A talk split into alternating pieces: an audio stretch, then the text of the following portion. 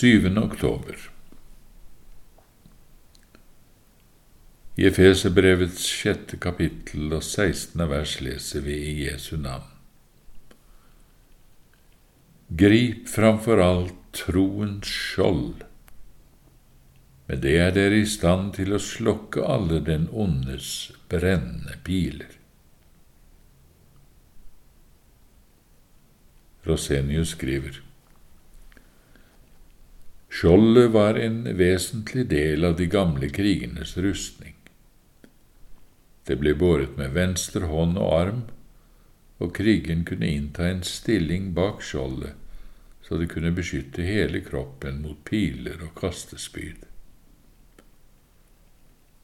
Det samme gjelder troens skjold, som bare holder fram Kristus og Hans ord. Mot alle Satans anfektelser er det intet annet som hjelper enn å holde selve Guds sønn framfor seg som et skjold og skjule seg bak ham. Da er troen et slikt skjold som skjuler og beskytter hele vår person, uansett hvor mange og store feil og synder vi måtte ha. Hvem du enn er, du som leser dette og gjerne vil være en kristen, så legg denne lærdommen alvorlig på hjertet. For du kan være sikker på at uansett hvor ekte Guds verk måtte være i oss, og hvor alvorlig vi enn ifører oss all Guds fulle rustning, og våker og ber, så kommer vi alltid til både å kjenne og se mye mer av synd og utroskap hos oss enn av Guds frykt og rettferdighet, så sant vi da ikke er betratt eller sover. Alt som fremdeles finnes av arven fra Adam, vil jo alltid være et uuttømmelig forderv i oss. Så vi må nok til slutt bli frelst like ufortjent som en røver som kommer til Jesus direkte fra sin røverleir. Vi forkynner nok, formaner, tukter, advarer, ber og oppmuntrer, med det mål at hele de kristnes natur skal helges. Og det er ikke noe alle oppriktige kristne sukker mer om innenfor nådestolen enn akkurat dette at de må bli fridd ut fra all sin ondskap. Likevel, det blir aldri annerledes her på jorden enn at vi faller mang en gang.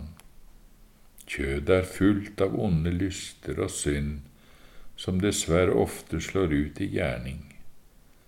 Og alt Åndens verk, troen, kjærligheten og bønn, er besmittet og oppblandet med karets urenhet.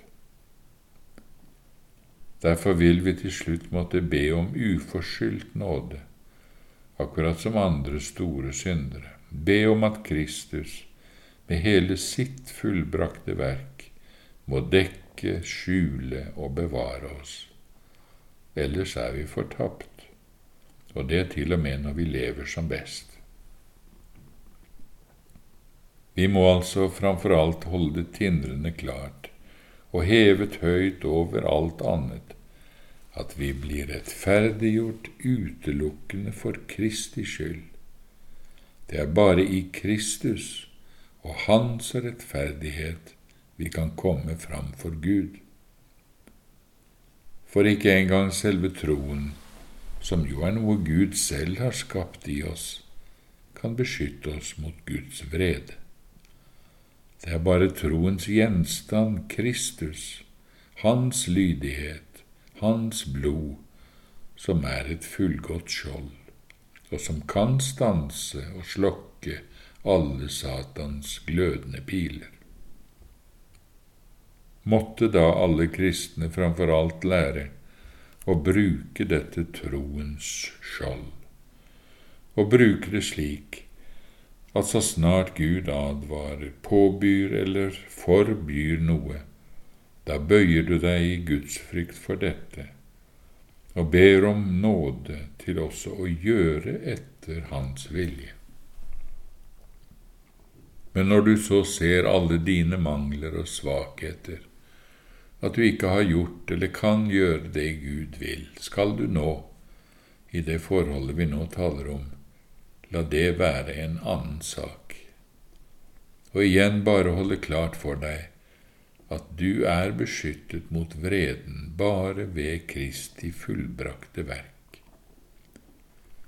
Nådepakten i Kristus rokkes ikke. Den står fast i evighet, uansett hvordan det går med vår lydighet og kristne livsførsel, så lenge vi ennå lever ved nådestolen. Der er uendelig mange forskjellige grader i lydighet og kristen livsførsel, men frelsen ligger i dette ene, at vi ved troen lever i Kristus. Johannes sier, Den som har Sønnen, har livet. Uansett hva som går galt for deg, så si derfor straks, Gud, Forlat og hjelp meg, elendige synder. Det er forferdelig, ja, grufullt, at jeg fremdeles er så skrøpelig. Men Gud, du evige konge, være lovet og priset i evighet, for at jeg tross alt har en annen som er min rettferdighet overfor Gud. Du arge Satan som fyller hele mitt vesen med så mye ondt, du bruker dette til å forskrekke meg og vil fullstendig fordømme meg. Men det skal en annen mann, han som heter Jesus Kristus, hindre deg i, for han er min evige, trofaste frelser, min totale og fullkomne rettferdighet. Og er han ikke det, så er jeg og hver eneste kristen evig fortapt. Du kan ha rett i at jeg ikke har spent sannhetens belte godt nok omkring meg. Der er dessverre ennå mye falskhet i hjertet mitt. Men jeg kjenner en mann som fikk et spyd stukket inn i siden sin og bare i ham er det hjerte som er fullkomment fylt av sannhet. Han og hans sår er mitt skjold mot dine brennende piler.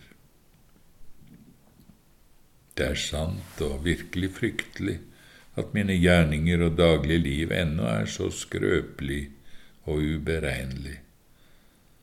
Men jeg har sett en mann med gjennomborede hender og føtter, og i de hendene er mine gode gjerninger, og i de føttene er min rette kristne vandring. Hvis ikke Kristi gjerninger er mine, er jeg evig fortapt. Det er sant og noe jeg hver dag plages av, at jeg ennå, ikke, at jeg ennå har så mange onde tanker. Men jeg har sett et hellig hode med tornekrone, og i det hodet er mine gode tanker. Jeg ville så inderlig gjerne at min egen kristendom var fullkommen. Det er ikke noe jeg har bedt så mye om som nettopp dette. Men når det gjelder min frelse, da sier jeg bare, jeg vil ikke ha noen annen rettferdighet enn min Herre Kristi rettferdighet for min kristendom holder ikke for Gud, men det gjør min Herre Kristus. Derfor er han da også så kjær for meg, så dyrebar, så uunnværlig. Ja, slik kan vi bare med dette skjoldet møte og slokke alle den ondes brennende piler.